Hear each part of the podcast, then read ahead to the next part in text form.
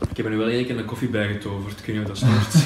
Yeah, I'm making magic, you moving backwards. I had to have it, made it happen. I'm making magic. I'm making magic. Ik ben dan eh, na een paar jaar eh, bij Deloitte eh, bezig te zijn, uh, zelfstandige geworden. Maar toen wel al duidelijk met het idee van ik wil mijn eigen, mijn eigen onderneming oprichten. Um, en toen zweefde het idee van, van, uh, van mensen nog niet, maar wel de samenwerking met de persoon waarmee ik dat gedaan heb. Dus dat was dan met Jonathan, werkte nog bij we werkten in hetzelfde team. We hebben heel lang zij aan zij gewerkt in Duitsland. We gingen zelf na, de, uh, na het werk, het was heel lang werk, uh, samen gaan fitnessen, dus een band was er meteen, dat zat goed. Um, en op een bepaald moment, ongeveer gelijktijdig, misschien elkaar onbewust wat aangezet, zelfstandig geworden, die kans gehad. Dus dan bleven wij eigenlijk in zelfstandige modus consulteren, maar dan had natuurlijk meer vrijheid, meer flexibiliteit. En ook handig um, de legale structuur, hè, onze eigen BVBA, om uh, iets meer te gaan doen. En dan zijn we op studies gestoten. En ik kan me de nummers niet herinneren, maar ik denk dat het iets, het was, het was indrukwekkend. Dus ik dacht dat, uh, ik kan daarnaast zijn, dus quote mij er niet op, maar dat uh, startups die mentoring hadden twee keer zoveel slaagkans hadden. Dus echt een order of magnitude. Dus niet gewoon 5% meer kant, maar twee keer zoveel. Dat is eigenlijk, allee, ja, belachelijk bijna.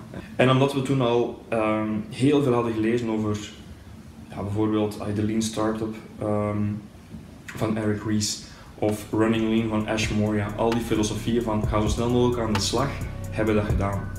I'm Dus wat was Mensu? Mensu was eigenlijk een platform voor start-up mentoring. Er bestond een gelijkaardig idee in Amerika. Bij hun model was het zo dat, uh, dat je, je betaalde voor een uurtje of voor 10 minuten zelf. Je betaalt echt per minuut. Om bijvoorbeeld met iemand zoals Mark Cuban uh, te kunnen babbelen.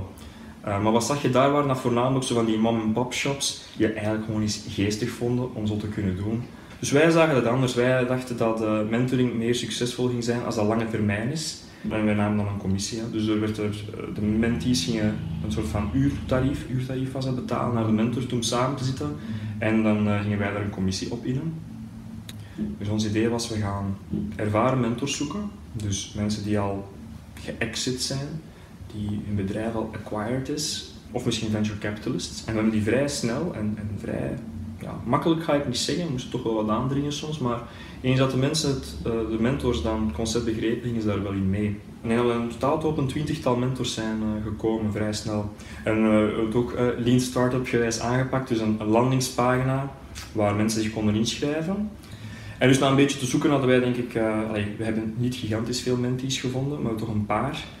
Uh, we hebben daar zelf wel revenue van gehaald. Dat ging dan via mijn eigen BVBA. We hebben het daar dan in ondergebracht uh, terwijl we nog in testmodus zaten. Um, maar daar is dat ongeveer ook gestopt. Dus uh, op dat moment begon het al wat te verwateren. My angels counting. Yeah. Blessed of my angels counting. Ik denk dat het fundamentele probleem was dat, die, dat dat model niet ging werken. De kant van de mentors was niet makkelijk, maar ging goed. Maar mentees is het helemaal anders. Hè. Voor de heel simpele reden dat startups geen geld hebben. En natuurlijk, wij vroegen wel al snel, uh, denk 100 euro per uur voor een mentor. Wat eigenlijk geen zot bedrag is als je ziet wat je ervoor krijgt. Eigenlijk is dat, it makes sense. Ik denk dat die prijs wel correct was, maar toch nog te veel voor, voor een mentee. En uh, we moesten daar heel veel tijd in steken om mensen te overtuigen. Dus we begonnen ook ons twijfels te hebben of, uh, of we dat um, op de manier dat we het wouden schalen. Dus ik wil zeggen, in het begin deden we heel veel manueel om echt alles te leren kennen, te weten wat mensen denken, zoveel mogelijk met de klanten te praten, wat ik ook heel belangrijk vind in een start-up. Uh, maar we ondervonden dat het enkel op die manier te doen we klanten konden vinden. Dus we moesten echt een website hebben, we zouden echt al een heel grote naambekendheid moeten gehad hebben, dat mensen zoiets hadden van, oh ja, ik ga naar Mensu om een mentor te gaan zoeken. Dat ging wel even duren. En, en dan nog een puur mathematisch probleem dat we eigenlijk al veel vroeger hadden moeten kunnen ontdekken. Uh, berekent uh, hoeveel entrepreneurs, typische tech-startups dat er zijn in de wereld. Berekent, pakt daar een percentage op die mogelijk zou betalen of eh, in aanmerking zou komen. Berekent dan uw uh, gemiddelde revenue die je kunt, allee, uh, winst die je kunt halen per persoon. En je, je komt tot de conclusie dat het heel, heel moeilijk gaat worden om dat winstgevend te maken.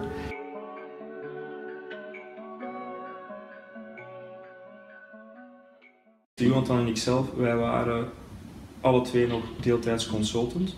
En ehm, toen ik dan een keer dat, dat, dat rekeningetje ben gaan maken, en gewoon een keer alles op tafel leggen van wat hebben we nu gedaan, hoeveel effort hebben we er al ingestoken, want we hielden alles wel goed bij.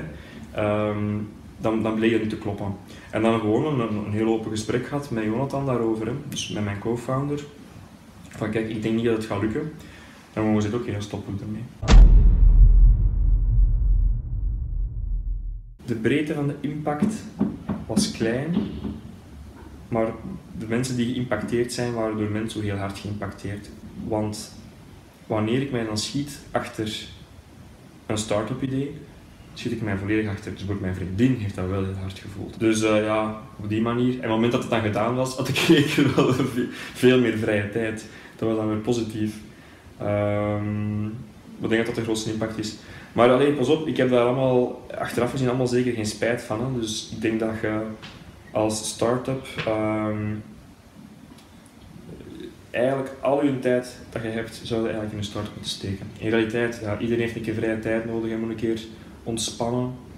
Um, je moet sneller en beter werken. En, allee, sorry, maar hoe meer tijd dat je erin gaat steken, hoe meer dat je er gaat uithalen.